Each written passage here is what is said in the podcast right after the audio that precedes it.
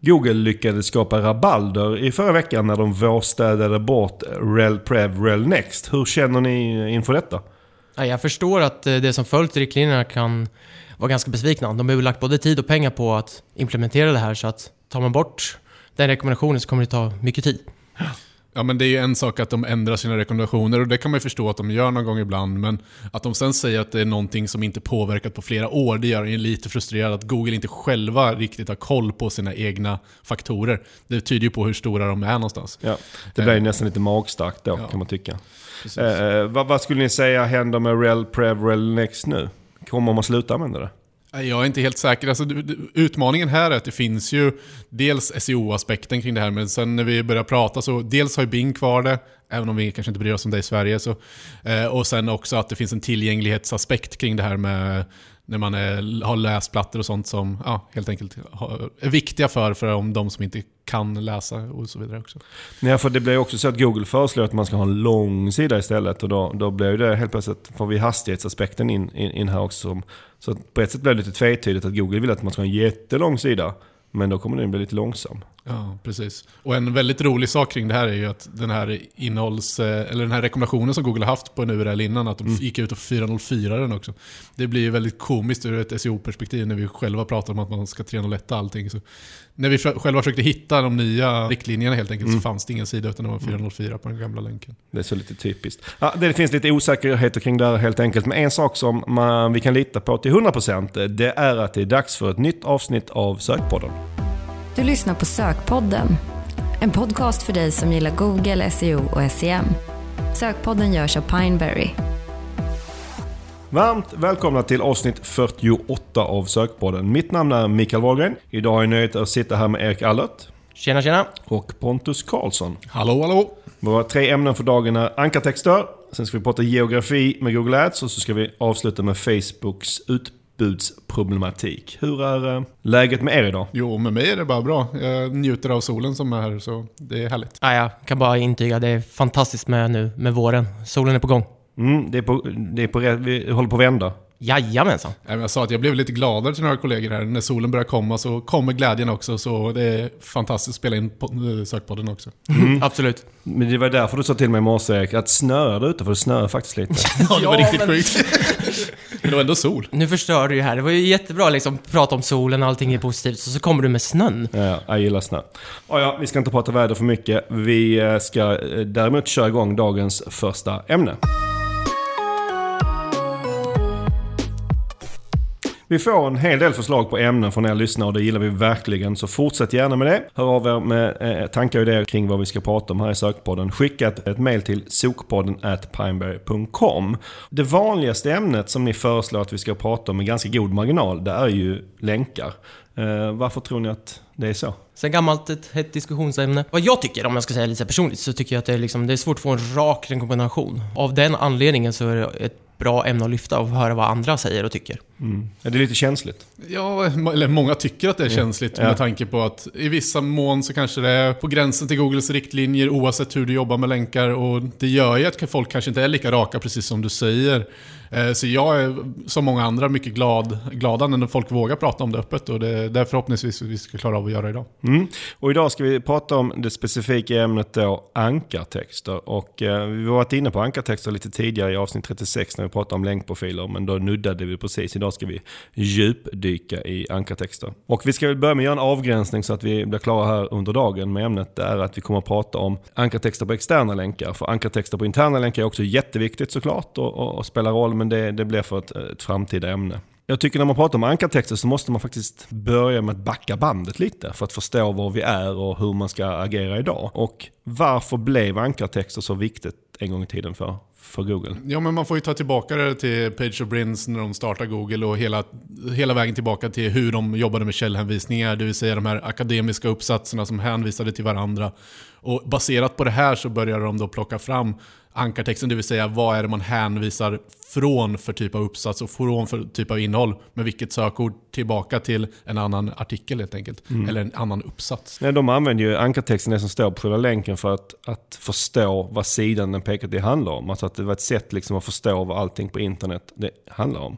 Det är, när man tänker på det så är det en ganska rimlig antagande de gjorde en gång i tiden. Men sen om vi spolar bandet framåt ganska många år så kom ju pingvinen. Vad hände då? Ja, precis. I april 2012 så kom Pingvinen och det ändrade ju spelreglerna lite grann. Men om vi ska backa bandet ännu mer, varför lanserade de pingvinen? Ja, men de lanserade Pingvinen baserat på att alla som jobbar med SEO insåg ju att Page och Brin hade varit väldigt så här, öppna och någonstans fokuserat väldigt mycket på ankartexten som en, som en variabel i att ranka. Och när många seo hade insett det här, då var det ju väldigt enkelt att använda väldigt, väldigt mycket ankartexter i sina länkar till sajten och på så sätt skapa helt enkelt påverkan på vissa sökord. På något sätt så blir det ju alltid så att när någonting inom SEO går till överdrift så brukar Google förr eller senare, ibland kan det ta tid, men förr eller senare agera. Och det var ju därför de kom eh, med, med pingvinen. Och jag kan tycka, jag vill också poängtera här att jag tycker inte det är något fel i de här SEO-arna som Nej, nej. överutnyttjar det här. För att det, det var ju så det funkade då, det var den möjligheten som fanns. Och jag tycker snarare kanske att man, det är lite konstigt om man inte utnyttjade det. För att det var ju så algoritmen funkade då. Det var ju spelreglerna som gällde då.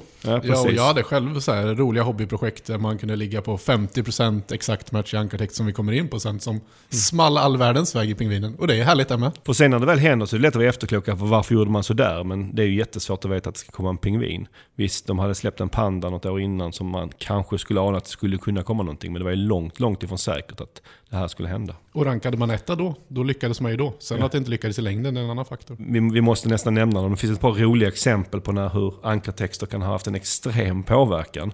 Eh, och det är det, det som också kallas för Google-bomber. Eh, och det, det, det är ju framförallt två exempel som jag aldrig kommer att glömma som jag tänker på direkt. Dels var det när man fick eh, Vita husets sajt, sidan om George W. Bush på den sajten, att ranka på miserable failure. Den, Bara- är, bara den är bra alltså. Bara genom att skjuta ankartexter. Det var ju såklart ingenting som nämndes om herr Bush på den här sidan, att han var ett miserable failure. Men jag Utan- gillar verkligen det svenska exemplet också. Som sagt det fanns ju två läger inom SEO-Sverige där den, det ena sa att länkar inte kunde påverka om det inte fanns med i innehållet och den andra sa att det, det gick visst att göra. Och så var det någon som verkligen tog, tog tag i det här och eh, använde då Miljöpartiets sajt mp.se och eh, fick dem då att ranka på urbota inskränkthet Ja. med hjälp av helt enkelt bara länkar. Det finns inte någonstans på sajten alls. Nej, det skulle vara konstigt om Miljöpartiet skulle skriva så att urbota är inskränkt. Ja, det skulle kunna vara någon artikel, men det finns verkligen ingen koppling Nej, överhuvudtaget. precis. Och så där lyckades man då, det här var ju ett tag sedan, bevisa att ankartext verkligen fungerar på något sätt. Vad- Hade du någon syn på det här, Erik? Eller? Ja, nej men jag kände inte till det här sedan innan. Eh, och jag kollar upp nu och man ser fortfarande att de rankar, jag fick upp att de rankar femma i sökresultatet på just urbota inskränkthet. Inskränkt. så jävla ja. ja, exakt. Så utan att liksom ha någon större insyn så skulle jag säga att det är lite ett bevis på att det kanske fortfarande funkar. De rankar ju etta en gång till, så något lite sämre kanske det har blivit. Men de rankar ju fortfarande femma utan att det nämns överhuvudtaget på sidan. Så att det, inte ska, att det har någon effekt, det kan man ju nästan dra från det, det exemplet. Skulle jag säga. Och frågan är hur mycket av de länkarna som är kvar. Det kan man ju också fråga sig. Jag har Nej, ingen, nej, jag har inte inte följt upp det. det. heller. Ja, Det skulle vara intressant att kolla på, men, men det har, jag inte, har vi inte gjort. Nej. Som sagt, efter pingvinen så ändrades spelreglerna ganska radikalt för ankartext. Hur skulle ni beskriva att det blev? Ja, men det blev ju en negativ effekt där folk hade varit generellt sett väldigt aggressiva med ankartextfördelningen. Och på något sätt var tvungna att skruva och speciellt vissa som fick riktiga problem fick ju rensa ur rejält i sina ankartextprofiler. Men det vart ju en, en stor skillnad i hur man vågade arbeta med ankartexter i länkar från externa sajter helt enkelt. Och det som var verkligen lite läskigt då, back in the days, var ju att det här pingvinfiltret som det kallas, kördes ju bara lite då och då. Det var ju inte del av den, eh, den, den stora algoritmen, kärnan. Och det var ju först i Pingvin 4.0 som den blev del av Core. I gången innan den kördes där så var det ju nästan två år sedan det här filtret hade körts, i alla fall- i alla fall vad vi vet. Så om man då hade fastnat i filtret så fick man sitta där i två år oavsett vilka åtgärder man gjorde. Ja, precis. Så de, de fick ju ganska mycket kritik för det här för att det, det var liksom för trö, trögt och att det var alldeles för hårt straff i relation till vad man då eventuellt hade gjort. Det blir ju ett väldigt långt fängelse på så sätt. Ja. Och även när det kom löpande så var det mycket snack om att det rullade månadsvis. Det är ingen som riktigt, riktigt fortfarande vet hur ofta den faktiskt är integrerad i algoritmen, men någonstans så är det ju mer ofta. Och som sagt, vi råkar inte ut för den situationen att det är någon som sitter fast oftast i två år på någon sån grej idag. Vad säger ni idag? Vi har backat bandet klart och vi, eh, vi hoppar fram till eh, dagens datum. Hur ser ni på ankartext? Jag kan ju flika in med just när vi pratar om MP-exemplet. Mm. Där tycker jag att det är ett bevis på att det faktiskt fungerar. Mm. Vad säger du Pontus? Nej, Finns det någon jag- fördel eller? Ja, jag säger från mitt håll så fungerar det uppenbarligen fortsatt. Och speciellt svenska marknaden och nordiska marknaden som vi jobbar mycket med här är det ett tydligt exempel på att det fortfarande fungerar väldigt bra. Men vi vill ju gärna ha, nu det kanske ingen här som eh, inte håller med, men vi vill gärna ha någon som inte håller med så blir det alltid lite roligare då. Då får vi ta någon utifrån. Och då har vi Arefs här, vårt kära Arefs, De släppte ny, för ett par veckor sedan en ganska gedigen analys av just ankartext. Om man kan sammanfatta den, den är väldigt lång, men om man sammanfattar den så skulle jag säga att de kommer fram till att det inte spelar så stor roll längre, eller att det inte spelar någon alls roll. Vad säger du om, om, det Pontus? Ja, nej, men de har gjort en stor studie och all cred till den studien, mm. 4 000 eh, sidor och erkänner själva att de har liksom en hel del osäkerhet i huruvida det är huvudsakord och vad de har analyserat. Men i grund och botten har de enormt mycket data och mm. det är mm. väl det som är det intressanta och de kommer, kommer fram till att det inte spelar någon roll helt enkelt. Och om jag ska vara helt ärlig, jag har läst artikeln ett par gånger och jag är inte helt hundra på exakt vad de har gjort och vad de har kommit fram till. Jag förstår vad de komma fram till, men inte exakt hur de har gjort det. Nej. Den är ganska komplex eh, och vi länkar till den om ni vill läsa den själva. Men de, de som du säger också, de skriver på ganska många ställen att det kan vara att den inte stämmer på grund av lite olika anledningar. Till exempel om hur, hur de har valt sökorden de tittar, de tittar på. Och, och lite kring det här tycker jag det är viktigt att det hade varit mer intressant än att bara kolla på konkurrensutsatta segment. Vad jag förstår av artikeln så är det ganska widespread av sökord. Och det gör också att påverkan oftast är mindre. För det är ju de stora sökvolymerna, de konkurrensutsatta segmenten som det kanske har en större påverkan där du måste vara lite mer edgy än vad du kanske är där det är lägre konkurrens också. Och om man ska lyssna på eh, Google i det här fallet, och det kan man ju alltid göra, i alla fall med en nypa salt, så har John Mueller hintat om att Google fortfarande tittar på ankartexter. Ja, precis. Sen betyder ju inte det att det är en gigantisk stor rankingsignal, men de använder fortfarande som ett sätt att förstå vad en sida handlar om. ja. Min personliga erfarenhet som inte bygger då på 400 000 sidor som ARFs använder sig av, utan mer... Jo, men har du inte gått igenom 400 000 nu? Nu måste du ha gjort.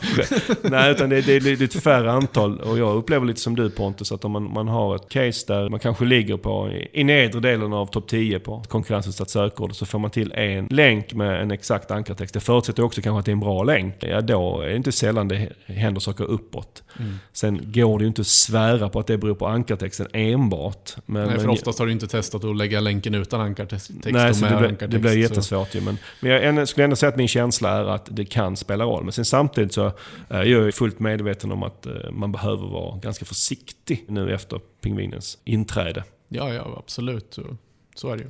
En annan intressant sak som man kan ta från eh, ARFs artikel är att de även testade inte bara själva ankartexten utan de testade texten runt om länken. Alltså vad nämns där och inte nämns där. Om det ska ha någon påverkan på, på ranking. Och de kom fram till samma resultat att det inte hade någon påverkan. Det är också ganska intressant att vad, om det skulle ha någon eh, inverkan. Vad, vad, vad är er syn på det? Nej, men och det här blir ju lite komplext för att det är en sak, vad jag förstår så tittar de på själva innehållet på den sidan. Mm. Det finns ju den aspekten, men så måste man också tänka på vad handlar hela den domänen om? Vad har de för inlänkar till sig? Mm. Hur är det korrelerat med samma eh, segment som man själv är i? Så frågan blir oftast lite större än bara huruvida innehållet på den sidan är relevant. Men min syn är ju att såklart det måste finnas en relevans mellan länken och eh, den nuvarande länken för att ge maximalt med kraft. Så jag ställer mig lite tveksam till den också. Mm. Så det är intressant att de kommer fram till båda de här slutsatserna på den volymen. Vi kommer väl aldrig få fram något riktigt svar här vem, av, vem som har rätt. Men, men eh, det är väl intressant att se det från båda perspektiv helt enkelt. Och som alltid så handlar det lite om att man får testa sig fram. Ja, och det som är återkopplat kring det här är att det här är en amerikansk eller liksom internationell undersökning. Mm. Och det gör lite, det är skillnad på marknad till marknad. Så viktigt att förstå också när ni sitter med många olika marknader eller sitter i Norden att det går inte alltid att fullt förlita sig på en sån här undersökning heller. Om man pratar om de ankartexter brukar man ju dela upp ankartext i olika typer. Och vi tänkte snabbt att vi skulle gå igenom de här och så kanske du Pontus får säga vad du tycker om respektive typ. Och här kan vi väl också säga, som vi alltid när vi pratar om länkar, är att förutsättning för att det ska vara huvud, överhuvudtaget relevant att prata om typer av ankartexter är att man kan kontrollera ankartexterna. Ja. Och, och det betyder att man kan kontrollera länkarna. Och i, om du får Google så ska man inte kunna det, men i praktiken så kan man ju i alla fall alltid, de flesta sajter kontrollera en liten del av länkarna till sig. Och då kan man också kontrollera ankartexterna. Ja, precis. Det Så- mesta handlar ju om relationer någonstans. Ja. Om vi börjar med exakt match, vad menar man med den typen av ankartext? Ja, men exakt match är ju när man länkar just det här vi pratat om innan, det vill säga det exakta sökordet som man vill synas på. Vi kan ta ett exempel. eh, Om jag har, säljer skidvalla på min e-handelssajt så länkar jag med ordet skidvalla, det vill säga det är själva länktexten till min skidvalla-sida. Då är det en exakt matchlänk. Och här pratar vi exakt som exakt, inte exakt som exaktish, som det är typ på Google Ads numera. Nej, Eh, Äntligen någonting som är som det ska vara. Ja, exakt. Och vad tycker du om exakt? Ja, alltså exakt är ju det som är det högriskspelet inom det här. Det vill säga det är det högsta aggressivitetsnivån du kan använda, men det är också där vi fortfarande ser att du ger mest kraft. Precis som du sa, skulle jag vara tia på skidvalla och jag skulle lägga en länk med det sökordet som ankartext så skulle jag säga att det är det som kan ge absolut störst effekt också. Mm. Men det finns också större risk såklart om man, Ja, om man får för mycket av det. Helt klart. Nästa typ är det som brukar kallas för frasmatch. Ja, om vi fortsätter på samma spår här och pratar skidvalla så skulle det vara helt enkelt en ankartext som innehåller eh, skidvalla. Så det skulle kunna vara bra skidvalla för Vasaloppet eller något liknande. Hur gick det i Vasaloppet förresten? Jag överlevde. Men det var ju det värsta vädret på 37 år. Apropå att fortsätta prata om väder så jag är mest glad att jag kom runt kan jag säga. Snyggt jobbat. Är du Och- glad att det snöar nu då? Nej. nu igen, eh, Alert brukar mobba mig lite för att jag var och åkte skidor veckan efter Vasaloppet så jag hade inte tagit ut allt. Nej, det är id- idioti av den renaste formen alltså. Men ni, ni, vi, vi är klara med snön för år. Men frasmatch, vad tycker vi om det? Ja, men frasmatch är ju också en hög aggr- aggressivitetsnivå, men inte lika hög som en exakt match. Så det- allting handlar ju hela tiden om ett spel på liksom, hur pass aggressiv vill man vara, hur pass stor risk vill man ta för att hamna i någon form av filter eller liksom straff från Google. Och det är det här man måste spela på. Ju mer exakt man är, ju högre risk tar man. Ju mindre exakt, ju mindre risk tar man. Om vi lämnar fraserna då så tar vi nästa som är partiell matchning. Det här är en matchtyp som jag ganska sällan använder själv. Eh, Och det här handlar ju mer om att man nästan använder en form av synonym. Så jag ser det nästan som en Liksom att man använder ett annat sökord. Så det skulle kunna vara till exempel för skidvalla skulle det kunna vara valla. Och valla för mig är ju egentligen ett nytt sökord. Så på, på så sätt så blir det mer av att man hittar synonymer eller närliggande eh, sökord helt enkelt. Så du känner att du, ofta, du använder inte det för att du tycker man slösar lite med ankartext, eller hur ser du på det? Nej, helt plötsligt tycker jag att jag optimerar exakt match för ett annat sökord. Ja, så det blir fel. Alltså, Ja, precis. Så vill jag synas på Valla, vilket är rimligt sökord nummer två på den här sidan kanske, Mm. eller till och med kanske viktigaste sökordet. Då är det ju en exakt match mot den och inte en partiell match för mig. Så det, det är lite så här svår avvägning det här med vad som är en partiell match typ. Och sen har vi brand. Och det här är ju helt klart den vanligaste typen, det vill säga att någon länkar med ditt företagsnamn till, din, till din sajt. Och de här kommer ju oftast till din startsida på sajten. Det är ganska ovanligt att du får en, en eh, brandlänk till din skidvalla-sida, det vill säga din kategorisida, utan oftast kommer de ju till startsidan. Och det är ju hela tiden, om du jobbar med det här aktivt så vill du försöka spegla en så naturlig länkprofil som möjligt. Och bara försöka ta lite, lite edge mot den.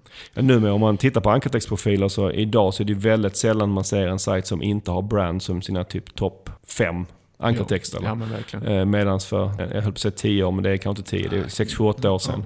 Då, var, då hände det att man, ganska ofta att man såg sajter som hade liksom exakt match sökord som sina vanligaste ankartexter. Ja, och det här återkopplas kanske lite till, vi har pratat något avsnitt tidigare vet jag om att det är kanske inte volymen av länkar alltid som är det viktiga idag, utan det är kopplingen mellan kvalitet och relevans och alla sådana aspekter som är väldigt viktiga också. Och sen har vi URL-match. Och det här är ju en väldigt, väldigt naturlig matchtyp. Det vill säga, du kopierar det som är, som är själva URLen i webbläsarfönstret och länkar den. Det vill säga hela URLen, HTTP, www och så vidare. Eh, och det här gör ju att du oftast kanske får med sökordet om du har en bra URL i självaste URLen. Men det är fortfarande från Googles håll kanske en väldigt så här, naturligt att någon bara har kopierat URLen och lägger länken någonstans. Så du skulle säga att det här är också en typisk topp 5 i eh, ankartextprofilen? Ja, för, i alla fall för startsidan kanske. Eh, men sen är det ju oftast eh, de blir väldigt unika för varje sida sen. Så det gör ju att den inte blir topp 5 på så sätt att det är väldigt vanligt att den kanske länkar till en specifik produkt på det här sättet för att du vill rekommendera den eller så vidare. Så det kanske inte så ofta det är exakt samma ankartext som upprepas många gånger, men typen är väldigt vanlig. Ja, och den, jag misstänker den sprids ut på HTTP, HTTPS med www och utan också. Ja, om du håller på att flytta mellan dem. Förhoppningsvis har du ju inte det. Nej, ja, det, det, Det är en annan sak där. Och sen, sen har vi alla, eh, avslutningsvis, de här generiska ankartexterna. Och då tack, snackar vi om de här som, där det står här eller klicka mer eller läs mer. Vad, vad tycker vi om dem? Jag, jag mår dåligt varenda gång jag hör dem. Jag, jag vet att du är lite inne på samma spår som mig Wahlgren där att man gillar ju inte de här. Nej, men man får dem ändå för att det, det är många länkar så. Men om man då tänker gå tillbaka där vi började, med vad Brin och, Brin och Page, vad de ville med ankartexterna från början. Det var att den skulle förklara vad sidan handlar om, som den pekar till. Och då blir ju klicka här, läs mer, helt meningslöst. Därför är det faktiskt lite roligt att följa SERPen eller sökresultatet för läs mer och klicka här ibland. Se vem som har optimerat absolut bäst för de sökorden. Var det, inte- är det inte Adobe som har rankat etta på något av de orden en gång till? Jo, jag vet. Jag, jag kan inte exakt hur det ser ut just nu, men jag vet att jag följde det ett tag för att se vilka optimerar absolut sämst med hjälp av sina länkar. Nej, en väldigt rolig grej. Men med det så eh, säger vi att vi är klara med ankartexter för idag och så går vi vidare till eh, dagens andra ämne. Nu eh, ska vi prata lite geografi. Det var ett av mina absoluta favoritämnen i skolan. Hur var det för er? Jag kan inte säga att jag är någon fena på det, men eh, av någon konstig anledning är jag ganska fast på flaggor. Räknas det? Ja, absolut, absolut. Ja, jag tyckte också det var ganska kul, men jag är väldigt, väldigt dålig på svenska sjöar och sånt där grejer. Det är inte riktigt min grej. Men nu är det inte skolgeografi eh, som är på tapeten idag, utan det är geografi och eh, Google Ads. Så när jag lyf- lyfte det här ämnet eh, som förslag på att vi skulle prata om det, så var din första reaktion, Erik, att ah, är inte det här lite för enkelt ämne? Jo, men vid en första anblick så är det väl ganska enkelt. Det vill säga, var ska jag annonsera och var ska jag inte? Men när man väl tittar närmare på det så kan det bli ganska komplext. Ja, jag kan förstå ditt svar att det är, på ett sätt är det ganska enkelt, men samtidigt så kan det bli komplext. Och ja, min förhoppning här är att vi ska lyckas få det att bli hyfsat komplext i alla fall.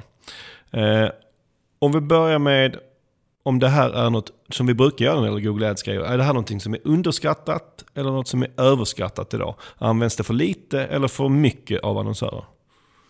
Ja, det är en jättesvår sak att försöka lägga in som en variabel. För hela utmaningen med det här är att det finns väldigt mycket möjligheter. Men eh, med Googles nya budalgoritmer och allt sånt så tar de in det här väldigt mycket i många av aspekterna. Så det, det, det är både underskattat om man arbetar på ett sätt och överskattat om man jobbar på ett annat sätt. Jag vill bara inflika här och säga att jag håller med Pontus med att det finns en outnyttjad potential. Ja. Men i och med de här förändringarna som Google gör så blir det mer komplext av den anledningen. Men med det sagt ska man ju inte sluta titta på det som en variabel att optimera mot. Absolut inte. Jag upplever lite också, ja, från mitt håll att det kanske i vissa lägen är lite outnyttjat. Eh, och kanske då lite för att det är inte så supersexigt att Nej. sitta och jobba med geografi. Eller hur? Nej, men också eh, av den aspekten att det finns i många fall ganska så här, mycket affärsdata som många sitter på i sina bolag som man inte applicerar i den här strategin. Och jag flikar in igen här och säger att, precis som du säger, att det inte är jättesexigt. Det kanske är roligare att testa de här nya funktionerna som har släppts eller lägga till några nya sökord och så vidare. Och av den anledningen så blir det inte lika roligt att titta på just geografin. Nej, men vi gillar det, geografi. Men vi börjar med det enkla. Och hur ska man tänka i det enkla scenariot eh, om man annonserar med Google Ads? Det enkla upplägget är väl helt enkelt att man ska tänka att man ska annonsera där man finns. Ja. Det är så sim- simpelt är det. Och om man då tänker att man är till exempel en redovisningsbyrå i Öre- Örebro så kanske det inte funkar att annonsera på sökordet redovisningsbyrå i hela Sverige för att det blir inte relevant. Men om man gör det bara i Örebro, då helt plötsligt så funkar det. Ja, men verkligen. Och där kan du ju lägga till aspekten att du kan synas på sökordet redovisnings Örebro i hela Sverige istället. Alltså du får både, den bästa av båda världar på något sätt. Precis. Ja. Och hur ska, du var lite inne på det här Pontus, men hur ska man veta var man geografiskt ska annonsera? Ja, men någonstans måste man utgå från sin egen affärsplan och utgå från sin egen business. Det vill säga, dels vart vill vi ha kunder och vart någonstans vill vi fokusera på att få kunder? Alltså, eller rättare sagt, vart har vi kunder och vart vill vi få kunder kanske är bättre att säga. För har man funnits som företag ganska länge så har man säkert ett stort register på alla ens kunder genom åren. Och då kan man ju lätt mappa in var har de kommit ifrån. Och då är det liksom en ganska bra utgångspunkt från det här vi ska annonsera. För det är här bevisligen som våra kunder finns. Men sen kan det också vara som du säger eh, Pontus, att man har ett strategiskt mål att få kunder från en viss ställe eller från vissa ställen. Och då, då, då får man lägga krutet där istället. Verkligen. Vi har själv gjort så här, vi har kartlagt var vi får våra kunder ifrån. Eh, och sen har vi också en strategi vad vi främst ska fokusera på. Och- vi annonserar ju såklart rent geografiskt utifrån det. Sen skulle vi också säga, och i- för i vårt fall handlar det mycket om, i och med att vi finns i Stockholm, så eh, de flesta av våra kunder vi har genom åren är från Stockholm. Långt ifrån alla, men ganska, ganska många. Och vi märker att det är en fördel för oss med eh, kunder i Stockholm för att vi vill gärna träffa våra kunder när kunderna vill gärna träffa oss. Då blir det ju rent geografiskt lite enklare. Men det är inte så enkelt så att vi väljer då att vi inte ska ha kunder från resten av Sverige. Det är bara att man kanske måste anpassa sig utifrån det här. Och jag kan ta ett exempel. Är att när vi tittar på vår eh, CPA på offertförfrågningar så ser vi att den är 50% högre i Västra Götaland jämfört med, mot i Stockholm. Och det är väl ett tecken också på att våra potentiella kunder är mer intresserade av oss om de befinner sig i Stockholm. Och hur ska man då tänka i det här scenariot, Erik? För det första så tycker jag att man ska ta det ett steg längre och titta på, för du säger CPA för offertfrågan. Ja. Där jag skulle vilja titta på om man kan ha någon konverteringsgrad från offertförfrågan till kund också. Mm. Så att man har ännu bättre data att analysera på. Mm. Och, och ser man då utifrån att exempelvis att eh, säger Stockholm presterar lite bättre, då gäller det ju att agera i sin optimering utifrån det. Mm. Och budjustera helt enkelt. Och om man gör det budgetjusterat, tar vi ett exempel att vi ser att vi har 50% högre CPA i en viss geografisk region. Är målet då att den ska bli jämn, CPA? Att man ska budjustera så att CPA blir jämn överallt? Det beror ju lite på vad du har för målsättning. Vi faller tillbaka till det. Mm. Är det så att du har som en målsättning att du ska försöka ta fler kunder i, på västkusten exempelvis, då blir det ju att du måste agera utifrån din målsättning. Mm. Men är det bara att du vill ha, att du har satt upp en CPA, att den ska vara på den nivån, då gäller det ju att budjustera så att den ena går uppåt och den andra kanske går neråt i sin budjustering. Mm. Och en utomstående variabel som ni är väldigt mycket inne på här är det att vi sitter ju, återkopplat till affärsplanen, vi sitter på så mycket affärsdata som Google aldrig kommer kunna ta i akt. Liksom. Det gäller att kunna våga applicera den här ovanpå alla Googles data som finns, alla CPA som ni pratar om och så vidare. Men vi, Google kommer ju aldrig riktigt, riktigt veta vad våra kunder, hur lönsamma de är, om vi inte kopplar ihop all den här datan. Nej, man kan ju tänka sig att vi skulle ha ett, eh, bestämma oss strategiskt att vi vill eh, öka vår andel från kunder. För att vi, kunder från Skåne till exempel. För att vi vill etablera oss i Skåne eller vi ser det som en framtid. Mm. Eh, och då kan helt plötsligt vi är beredda att betala mycket mer för dem av strategiska skäl. Ja, och, Och sen kom- kanske det finns sådana effekter som gör att du någonstans får fler kunder om du väl börjar få en kund i Skåne också. Mm. Så det, ju, det gäller ju att återkoppla till det också. Sen finns ju även det här scenariot att man finns både lokalt och eh, nationellt. Att man kanske har en e-handel men man har fysiska butiker på lite olika platser. Hur, eh, hur ska man tänka då? Ja, men här är ju väldigt mycket också av en strategisk fråga. Men det generella är såklart att har du en e-handel så vill du synas på hela, i hela landet, till exempel Sverige då, Mm. eh, där du kan sälja helt enkelt. Men sen har du ju då de fysiska butikerna som är utplacerade på olika ställen i Sverige. Och här kan man ju välja två olika typer av strategier. Antingen att du vill med hjälp av Google Ads då driva mycket trafik till butikerna och kanske är beredd att buda lite mer när det är någon person som är närliggande butikerna. Eller så väljer du en motsats eh, strategi, det vill säga du är lite aggressivare där du inte har butiker. För att du tror att butikerna kan locka i sig själva. Så det, ju, det finns ju två olika situationer här där man kan välja lite olika st- strategiska inriktningar helt enkelt. Koppla samman hela det här med store visits och sånt som vi har pratat om innan. Det är ju fascinerande värld just med de fysiska butikerna och hur man kan jobba med strategin kring det här. Och eh, om vi fortsätter vidare så finns, har ju Google också någonting som kallas för JO Ad Customizers. Hur funkar det? Det är egentligen samma princip som keyword insertion i annonserna.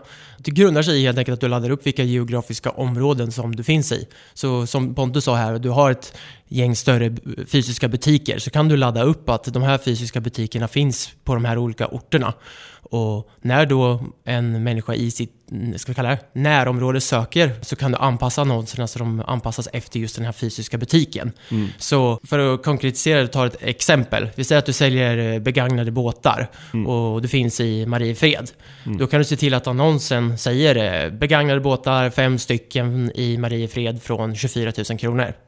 Och där har du ju då antalet orten från priset som kommer in automatiskt baserat på vart användaren finns, alltså vart han söker ifrån. Det säger sig själv att det blir en betydligt mer intressant och relevant annons för de som då finns i Mariefred och är lite sugna på att köpa en begagnad båt. Det är, väl- det är dags att köpa nu. Ja, men du- får ju den här lokala känslan i annonsen direkt. Mm. Nästa grej som jag tänkte ta upp här som vi var lite inne på nu. Nu sa jag att vi teoretiskt sett skulle expandera till Skåne. Det kanske inte gör en internationell expansion. eh, För det är, ju Ja, inom det är gränsfall. Jag tycker nästan att det är det. Ja, men men om, man, om man vill göra det, om man vill göra en internationell expansion så är det ganska mycket snack om att då kan man ju använda Google Ads för att ta sig in på en ny marknad. Håller ni med om att det är någonting, det är någonting smart sätt att göra det på eller hur ser ni på det? Ja, jag tycker absolut. Det, för mig är det självklara valet. Vi pratar ofta om att SEO tar lång tid, SEM går snabbt. Det är ju Mm. precis det vi ska kunna applicera i det här läget. Det vill säga att vi, vi helt enkelt provar och kanske börja med engelska annonser om vi inte ens har råd att översätta. Vi borde alltid översätta. Men, Mm. Och så kan vi lägga till en ny location targeting och se hur det fungerar. Det är ju superenkelt på ett sätt, men det är klart att det kräver vissa förutsättningar så att det ska vara på plats för att få ett bra resultat. Precis, så du kan ju komma igång relativt snabbt, men får det att funka riktigt bra så tar det lite längre tid. Men precis som det jag säger Pontus kommer in på, jämför man SEM med SEO så är ju SEM ett sätt att få liksom, resultat snabbt och kunna ta snabbare beslut. Och därifrån satsa utifrån resultatet. Ja, jag tycker det är ett jättebra sätt att testa sig fram på om en marknad funkar eller inte. Får man då titta i ett litet historiskt perspektiv om man skulle gå in på den polska marknaden så krävdes det ganska mycket undersökningar först och sen måste man kanske nästan finnas på plats för att göra någonting. Här kan du kanske slänga ut en begränsad testbudget och se om det liksom biter eller biter inte. Och skulle det vara så att det inte funkar så är det kanske inte hela världen. Men har du tur och det funkar så kanske du har öppnat en enorm möjlighet för sig. Jag upplever kanske att inte alla företag, det är inte, det är inte alla företag det här passar för att eh, expandera internationellt. Men eh, jag upplever ändå att det är många som har den, skulle ha den möjligheten men som kanske inte använder den. Nej, men jag tycker också det. Jag tycker många pratar om att svenska bolag generellt sett borde vara mycket mer öppna för det här. För att vi, vi är en ganska liten marknad. Man borde vara mer beredd på att testa internationellt. Men vi är lite så här, vi är lite bekväma här i Sverige. Vi har mycket egna förutsättningar och så vidare. Så jag tycker absolut att man, fler borde våga testa. Landet lagom. Ja. Mm.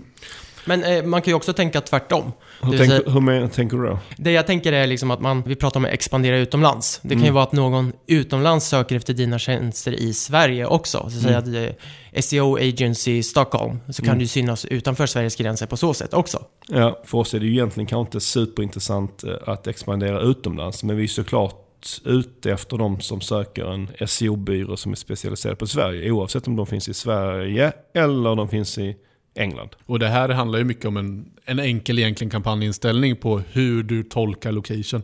Det finns nämligen två vitt skilda sätt att se på det. Antingen det vill säga användaren söker efter det eller huruvida besökaren befinner sig i landet, det vill säga IP-mässigt. Så de två aspekterna har, har man att spela med. Och där får du också tänka på om sökordet i det här fallet som jag tog var ju på engelska. Eh, så att man även tar in den aspekten och inte tänker att, att alla söker efter, på svenska utomlands. det kan bli jobbigt. Då får du inte så jättemycket sök för det. ja, jag tror det är begränsat faktiskt. Vad bra. Det, får, eh, det exemplet får avsluta vårt geografiämne för idag och vi går vidare till dagens sista ämne. Idag så avslutar vi sökpodden med att eh, prata om ämnet Facebooks utbudsproblematik. Och där, här utgår vi från ganska mycket från en artikel som var i Business Insider för eh, några veckor sedan. Och den artikeln ligger bakom en eh, betalvägg, men vi länkar ändå till den från inlägget om det är någon som vill köpa och läsa den som vi har gjort. Det var en väldigt intressant artikel. Och om man ska sammanfatta den först så kan man säga att den handlar om att annonsutrymmet i feederna då håller på att ta slut på eh, Facebook och Instagram. Och om man ska citera vad Facebook själva säger, och nu har jag fritt översatt det här till svenska, va? då säger de så här. Vi har möjligheter att växa antalet visningar på både Facebook och Instagram, men inte så mycket i feederna. Där ligger vi redan på en hälsosam annonsandel. Och det här är ju lite intressant och kanske också lite problematiskt. Då. Om vi börjar där, vad skulle ni säga styr tillgången på deras annonsutrymme? Det finns ju många aspekter, men en av de mest självklara är ju att beroende på hur mycket vi postar på Facebook och Instagram. Ja. För det, annars skulle det bara vara ett flöde med annonser om ingen postade något. Och tittar vi på den andra aspekten så är det ju liksom, ju mer innehåll som användarna skapar, desto mer teoretiskt utrymme finns det. Det vill säga hur mycket vi är inne i annons, eh, ska säga, plattformarna också. Eh, Lägger vi ingen tid där så finns det inte heller någon möjlighet att annonserna visas för varje användare. Mm. Och det där tycker jag, som du säger, är det absolut viktigaste. För mig är så här, hur pass mycket material som postas, det är en mindre relevant, relevant fråga. Facebook har nog nog med material att de kan sprida ut och eh, lägga annat material runt omkring dina annonser. Så det kommer alltid postas material, men det är klart att det blir en faktor. Men det viktigaste av allt är ju egentligen hur pass mycket tid lägger vi på det? Hur pass mycket scrolls gör vi? För de kan ju inte ha en för hög frekvens kring hur mycket annonser det är på varje, på varje inlägg som du säger. Men material har de ju av olika former. Jo, men jag, jag håller med dig där. Alltså, jag gör det verkligen. Men jag menar att jag tror att det finns en, ska vi säga, en korrelation mellan de två variablerna. För är det så att ingen postar någonting utan att det bara kommer upp eh, fotbollsresultat eller nyhetsartiklar eller så vidare, eh, då blir det nog att vi ägnar mindre tid i kanalerna också. Ja, och där har ju alltså Facebook som eh, app ett superproblem idag. Alltså i Europa och i USA så tappar de ju användare. Alltså, det är ju, det är ju sådana faktorer som gör att det blir superviktigt. Att det blir ju en avmattning i hur pass mycket annonsutrymme och hur mycket tid vi lägger på en, på en sån kanal helt enkelt. Ja, för det här med användare som tar upp är också såklart en viktig parameter. De, Facebook har under många år haft lyxen att bara växa hela tiden och då Mm. löser man lite problemet med, med utbudet där ju. Precis. Men, men nu, nu är det ju så att om vi skulle anta att antalet användare kommer att vara konstant. Mm. Det är inte riktigt problem, men vi antar det. Vi antar att antalet eh, inlägg är konstant och vi antar att antalet scroll är konstant. Allt annat lika. Allt annat lika, så det, det är konstant. Vad, vad kommer hända då? Vad kommer det här leda till? Ja, men det kommer ju leda till att eh, ja, men generellt sett kommer ju klickpriserna gå upp. Det är ju Ja. det, det självklara fallet för att fler annonsörer vill in och det, det kommer leda till att fler helt enkelt får betala mer för att synas på det begränsade utrymmet. Och där kanske Facebook eh, måste göra så att de ökar andelen annonsen i flödet då. Det är ju på ett sätt för att få, alltså, för att det ska kunna, om det är fler aktörer som vill gå in så måste det ju finnas annonsutrymme, annars så sticker ju priserna. Och ett sätt att, ska kalla det, dämpa det, är ju att trycka in fler annonser. Men tror ni verkligen att de vill trycka in mer annonser? De är på så pass hög nivå att jag tror att de kommer ha sjukt svårt att öka annonsandelen. Jag tror snarare att de kommer minska annonsandelen för att försöka få tillbaka användarna och det gör det väldigt intressant. För jag tror att de har insett att de ligger på lite för hög nivå idag, så att de snarare måste backa den. Men, och, ja, om, om man då kollar på vad Facebook själva säger så säger de ju då att, sen kan, behöver man ju inte tro på det, men de säger att de, de, de kanske inte kan öka det så mycket i feederna. Vad var det du sa? Hälsosam andel det är precis. annonser. Ja, det var ju min direktöversättning. Men Ja, det, ja, men det är bra. Det är lite så de ser på det. Och varför tror ni att de har kommit fram till att de har nått sin gräns liksom? Ja, men jag tror att det beror på användarfrågan. Alltså hur många använder och fortsätter använda Facebook om de upplever att det är för mycket annonser. De ser CTR, droppar och liknande faktorer. Då blir det ju en sån faktor. Där är du inne på något, det är ju datan som gör de signalerna. De ser ju, kollar ju på datan. Det är ju verkligen ett företag som har mycket data och de kollar ju på datan. Och när de säger att ah, men vi skulle nog kunna trycka in en till annons här eller inte. Sen så ser vi väl att, okej nu är det vad jag tycker här, men det känns som det är fler annonser just på Facebook än vad det är på Instagram. Och där har de kanske lite mer utrymme att lägga till lite fler annonser på Instagram. Men den stora grejen som det känns som de jobbar med är ju att hitta nya annonsutrymmen i plattformarna. Ja. Jo, för på Instagram enligt den här artikeln så ligger det kanske en tredjedel så mycket annonser som på feeden på Facebook. Ja, men... Och här vet vi, vi pratade lite om det här innan Erik, vi är inte riktigt överens här. Eller, du är inte riktigt överens med dem i artikeln. För de hävdar att anledningen till att det är så låg andel är att det är så pass, det är en annan publik på Instagram. Det är unga människor som gillar annonser betydligt mindre än de äldre. Enligt artikeln. Enligt artikeln. Du håller inte riktigt med? Nej, jag, jag skulle faktiskt inte säga det. Eh. Jag... Gillar du annonser? Ja, men jag är ju arbetsskadad. Okej, men ah, ah, är det, förresten, är du ung eller är du Alltså var, var räknar du in dig? är du ung eller gammal? Jag önskar att jag skulle vara ung. Okej. Men jag, om man jämför så ung och äldre så skulle jag väl säga att jag är... Jo, men jag, jag är väl yngre i spannet. Jag, hoppas det. Men om, om min definition av äldre, äldre än mig, alltså vi kanske pratar... Åh, nu är det farligt att säga en siffra här, men säger 50 plus uppåt. De är ju väldigt begränsad andel på Instagram just nu. Eh, och då menar de alltså att den yngre spannet som kanske är runt, ska jag säga 20-30, alltså yngre åldrar även där, på Instagram. Jag hamnar just mitt mellan dina två åldersspann nu. Ja, men du är ingenmansland. Medelålders kallas det. Nej, men det jag vill komma fram till är att jag tror inte att de yngre generellt sett är rädda för annonser. De är uppvuxna med annonser och känner liksom att ja, men det här är en naturlig del. Eh, Medan den äldre målgruppen kanske snarare är bara så men det här ska inte vara mitt flöde, alternativt att de inte ens vet att det är en annons. Nej, men det, det var det du sa innan som jag tyckte var så himla bra. Att du, de äldre i alla lägen vet inte ens att det är en annons. Och då kanske man pratar om ännu äldre. Men det handlar ju om hur pass van man är vid den här typen av plattformar. Och är man uppvuxen med det så är det en sak. Men det som jag tycker är lite intressant som jag vill även trycka in i, i diskussionen här är att Facebook trycker väldigt mycket på videomaterial. Och du pratar väldigt mycket om data. Det är klart att så här, ser de att användarna vill ha videomaterial, då vill de att annonsörerna ska skapa videomaterial. Så enkelt är det ju också. Och det här är också ett sätt att få det att inte bli blir lika mycket annonsigt, om jag ska säga så, som, ett, som en ren så här, erbjudande styrd annons. Och då kanske de kan trycka in mer annonser. Så det finns ju många olika sätt de jobbar med det här för att komma fram till att kunna ha mer annonsutrymme. Och där kan du jobba med influencers som skapar ännu mer, ska vi säga, otydligt att det inte är lika promotat som en annons heller. Och det pratade vi om för något avsnitt sedan, det här med videoannonser på Facebook. Att det det är helt klart så att för Facebook är det här jättebra som du säger. För att då helt plötsligt kanske de kan trycka in fler annonser i feeden för att det inte upplevs som annonser. Medan för annonsörerna är det kanske inte alltid det bästa för att det inte alltid ger lika bra resultat. Det ger mycket engagemang men det kan inte ge så mycket pengar på banken för annonsörerna. Det, det, Nej, det, och det beror ju lite på vad målsättningen är med annonseringen såklart. men jag vill inte släppa riktigt det här med Instagram. Om vi nu an tror på siffrorna så att de har bara en tredjedel så mycket utrymme, eh, alltså det är bara en tredjedel så mycket annonser på Instagram jämfört med, med Facebook i feeden då. Om det inte beror på målgruppen, varför tror ni att det är så? Ja, men det beror ju på plattformen i sig. Man är inte van att klicka på länkar från Instagram, vilket gör att CTR är mycket sämre, vilket gör att man får sämre resultat med, när man annonserar. Eller har du någon annan syn Erik? Ja, men det är en yngre ska jag säga, plattform på så sätt. Jag skulle säga att Facebook har funnits ganska länge, ganska vedertagen. Instagram är inte lika vedertagen. Eh, du har ju andra aktörer som är där och, nosar på och kanske vill ta några marknadsandelar. Jag skulle säga att Instagram, Snapchat är lite så här mer jämförbart hot mot varandra än Facebook, Snapchat är exempelvis. Och att skrämma iväg användare med allt för många annonser tror jag kan vara farligt. Och där har vi ju hela, du säger inne på Snapchat, där har vi ju hela storyfrågan också. Det vill säga att Facebook lyckades med hjälp av Instagram få en, en av de större storyplattformarna som de snodde från Snapchat. Jo, men det kan vi säga. Eh, och eh, där någonstans så har man inte riktigt lyckats kapitalisera på den mängd trafik som ändå är via stories idag. Och när man väl lyckas med det, och där kan man faktiskt driva klick med hjälp av swipe och så vidare, då kanske det börjar bli intressant. Men feedmässigt är ju inte Instagram en länkplattform. Nej, och där om jag bara inte släpper det här bandet med, med storiesen. Där ser vi att det är mycket nya funktionaliteter som gör stories mer klickvänligt också. Det kommer ju call to actions och det kommer att du kan eh, placera så här, som ska kalla det Instagram shopping och så vidare. De jobbar ju mycket för att det ska bli lite mer klickvänligt och driva trafik. Mm.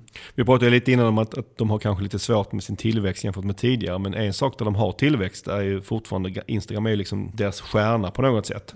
När jag läser, om jag läser mellan raderna vad de själva säger så jag ser jag lite på det som att de är mycket mer försiktiga med feeden på Instagram. För att de vill värna om den och ser att det är en stor del av deras framtid och de vill inte riskera för mycket. Att den är lite mer, i deras ögon, lite mer exklusiv än kanske feeden på Facebook. Ja. Men där har du nog verkligen något och det är väl lite det jag var inne på innan, att de har tagit lärdom om att de tryckte in för mycket annonser, vilket påverkade användarna negativt. Istället nu är de lite mer återhållsamma och hoppas på att växa mer. Om man ska göra en intressant eh, jämförelse här så kan man jämföra Facebooks problematik här med Googles samma problematik. För vi har under de senaste åren här i sökpodden eh, rantat ganska mycket kring att Google bara trycker in mer och mer annonser i sökresultaten. Men där blir det liksom inte, de verkar inte vara alls lika tveksamma. De har inte liksom samma problem, eller hur? Nej, verkligen inte. Och där är ju någonstans utmaningen att där har du aktivt sökt efter något, det finns en annan typ av korrelation. Pratar du sökannonsering så är det en helt annan typ av relevans mellan det du söker efter och det som annonseras. Det här är inte displayannonsering.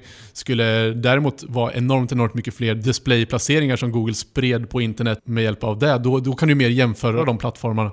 Sök och displayannonsering som det egentligen är på Facebook kan man ju inte jämföra på det sättet. Nej, jag håller helt med. Det blir ju, alltså intentionen är ju helt annorlunda. Du gör aktivt en sökning versus att du ligger kanske som i en upper funnel och liksom Ja, men jag har eventuellt visat ett intresse för det här innan. Det är typ så. Vad man tänker sig liksom en, en, en mobil googling på ett, i ett konkurrensutsatt segment så kan det ju vara så att nästan hela skärmen täcks upp av annonser. Ja, Men man kan ju inte tänka sig en feed som bara är annonser. Alltså det kommer ju inte funka för Facebook. Nej, och för det beror ju på att du inte gjort en aktiv, eh, vad ska man säga, en aktiv åtgärd för att se det här resultatet. Vilket du ändå har gjort på Google.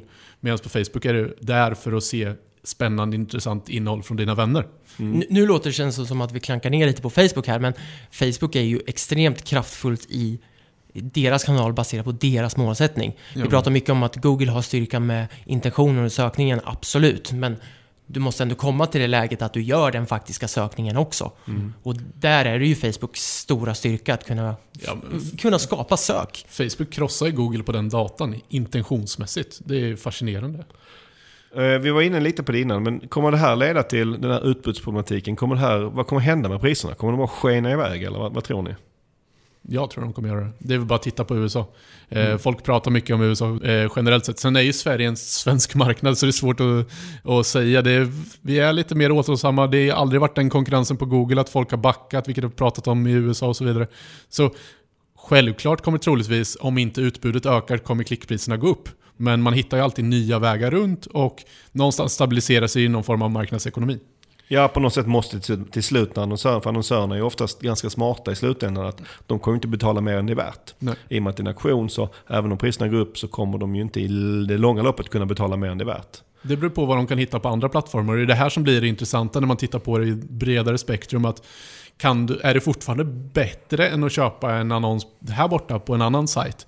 Det är ju den typen av avvägning man måste göra. Ja, men du får göra en alternativkostnadskalkyl i princip. Ja, Så, och det du säger här är väldigt intressant för att det innebär ju att Facebooks utbudsproblematik kanske är ett ännu större problem för andra kanaler. Verkligen. För att om det blir då så att eh, annonsörerna är tvungna att lägga ännu mer pengar för att synas på Facebook och de väljer att göra det för det är så mycket mer effektivt än andra säg displaykanaler. Ja, då kommer ju de displaykanalerna, det är de som är de stora förlorarna på, på det. Absolut. Och det är därför alla krigar om datan. Det är ju slutgiltiga Men det, kriget. det som är intressant här, det är ju att vad jag tycker som är lite tjusningen i att sitta som annonsör är att det kräver att det vi annonserar med blir bättre och bättre också. Och För om allt annat lika så kommer det precis som Pontus säger att priserna kommer ju stiga och då måste man vässa sitt budskap. Och då gäller det att ta fram den här exit i rockärmen hela tiden. Och det som är spännande med Facebook att tänka på, jag brukar trycka på det varenda gång, det är egentligen en CPM-plattform som du betalar i slutändan per klick. Så att precis det du säger, du måste vara relevant när du syns med annonsen mot de personerna som ser den. Får du en hög CTR så får du hyfsat bra klickpriser. Mm. Och vi, vi vi nämnde det här också även lite kort innan, men det är såklart att Facebook inte är helt nöjda med att utrymmet börjar ta slut i feederna. Och vad är det, hur, de vill ju gentemot sina aktieägare och, och gentemot företaget i stort, vill såklart fortsätta växa på samma sätt.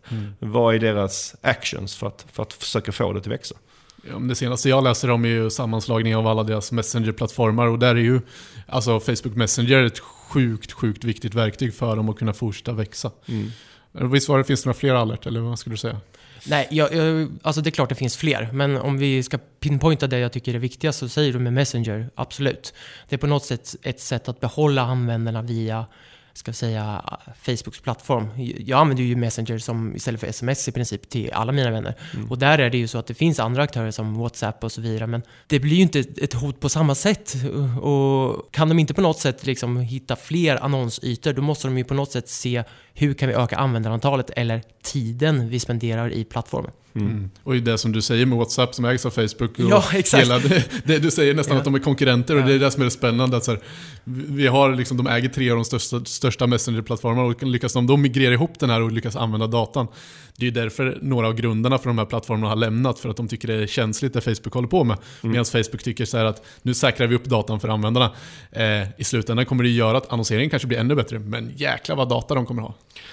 Ja, för det jag känner att Facebook gör är att de gör, lite, de gör en Google. Ungefär som när vi pratade om smart shopping för några avsnitt sedan. Att de försöker liksom att ta över ansvaret från annonsören var det ska annonseras. För att okej, ja, men du behöver inte välja att det ska göras i feeden. Vi har massa andra utrymmen som vi lägger annonserna på istället. För att kunna, för de har ju andra utrymmen. Det är bara i Absolut. feeden det är trångt. Och eh, jag vet inte, tror vi att detta är bra för annonsörerna den här utvecklingen? Att de inte får välja så mycket själv? Ja, men alltså, vår erfarenhet är väl någonstans att utmaningen med det här är att Facebook har ju, vi pratar ganska sällan, men Facebook har ju displaynätverk också. Och de har Messenger-platser och liknande också. Och de pratar vi ganska sällan om och det beror ju på att feedsen som vi ofta ser resultaten i. Men när man tittar i Facebooks plattform så har de insett något smart tycker jag. Det är att eh, det är ganska mycket visningar från kvalitativa platser som sker i de här annonsnätverken eller de här annonsplaceringarna. Och eftersom Facebook som standardattribution har även visningen som en effekt i det här. Så om man tittar på en, får en remarketing-visning på Messenger eller någon annanstans så ökar ju det sannolikheten att du kommer köpa. Men frågan är hur stor påverkan den har på ditt faktiska köp. Det är den avvägningen vi sitter och funderar väldigt mycket på. Diskuterar med Facebook hur vi kan få fram data på det här. Så det är superviktigt. Nu, nu går du in på attributionsbiten här och då blir ett helt nytt poddavsnitt känner jag här. Precis. Så det är kanske dags att vi ska avsluta här. Och det kanske ska avsluta med att säga att det är på inget sätt synd om Facebook att annons, dessa annonsutrymme tar slut. För att eh, Facebook är ju en pengamaskin av sällan skådat slag. Och visst, det är möjligt att den här maskinen inte kommer att växa lika snabbt som tidigare. Men inga träd växer till himlen, inte ens eh, Facebook-trädet. Då. Tyvärr inte. Nej. Med det så lämnar vi Facebooks eh, utbudsproblematik för idag och det är dags att avrunda detta avsnitt. Det här var kul detta, eller vad säger ni? Verkligen. Absolut. Alltid skönt och roligt att göra ett avsnitt. Kanske lite extra skönt nu när det, när det nästan, nästan är klart. Nej, jag vill göra ett till. Ett till, okej. Vi får vänta en månad då. Eh, innan vi avslutar vill jag slå ett slag för att vi eh, sö- som, som vanligt söker nya kollegor. Och vi söker som, som vi brukar göra eh, konsulter inom SEO, SEM och Facebook. Både juniora som seniora. Men vi söker även andra roller. Just nu till exempel systemutvecklare, webbadministratörer och en skribent. Så om detta passar in på dig och du är intresserad av vårt område. Det förutsätter jag nästan i och med att du lyssnar på sökpodden. Gå då gärna in på jobb.pineberry.com och spana in våra lediga tjänster. Tusen tack för att du har lyssnat idag. Ta hand om varandra till nästa gång. Tack för idag! Hej då!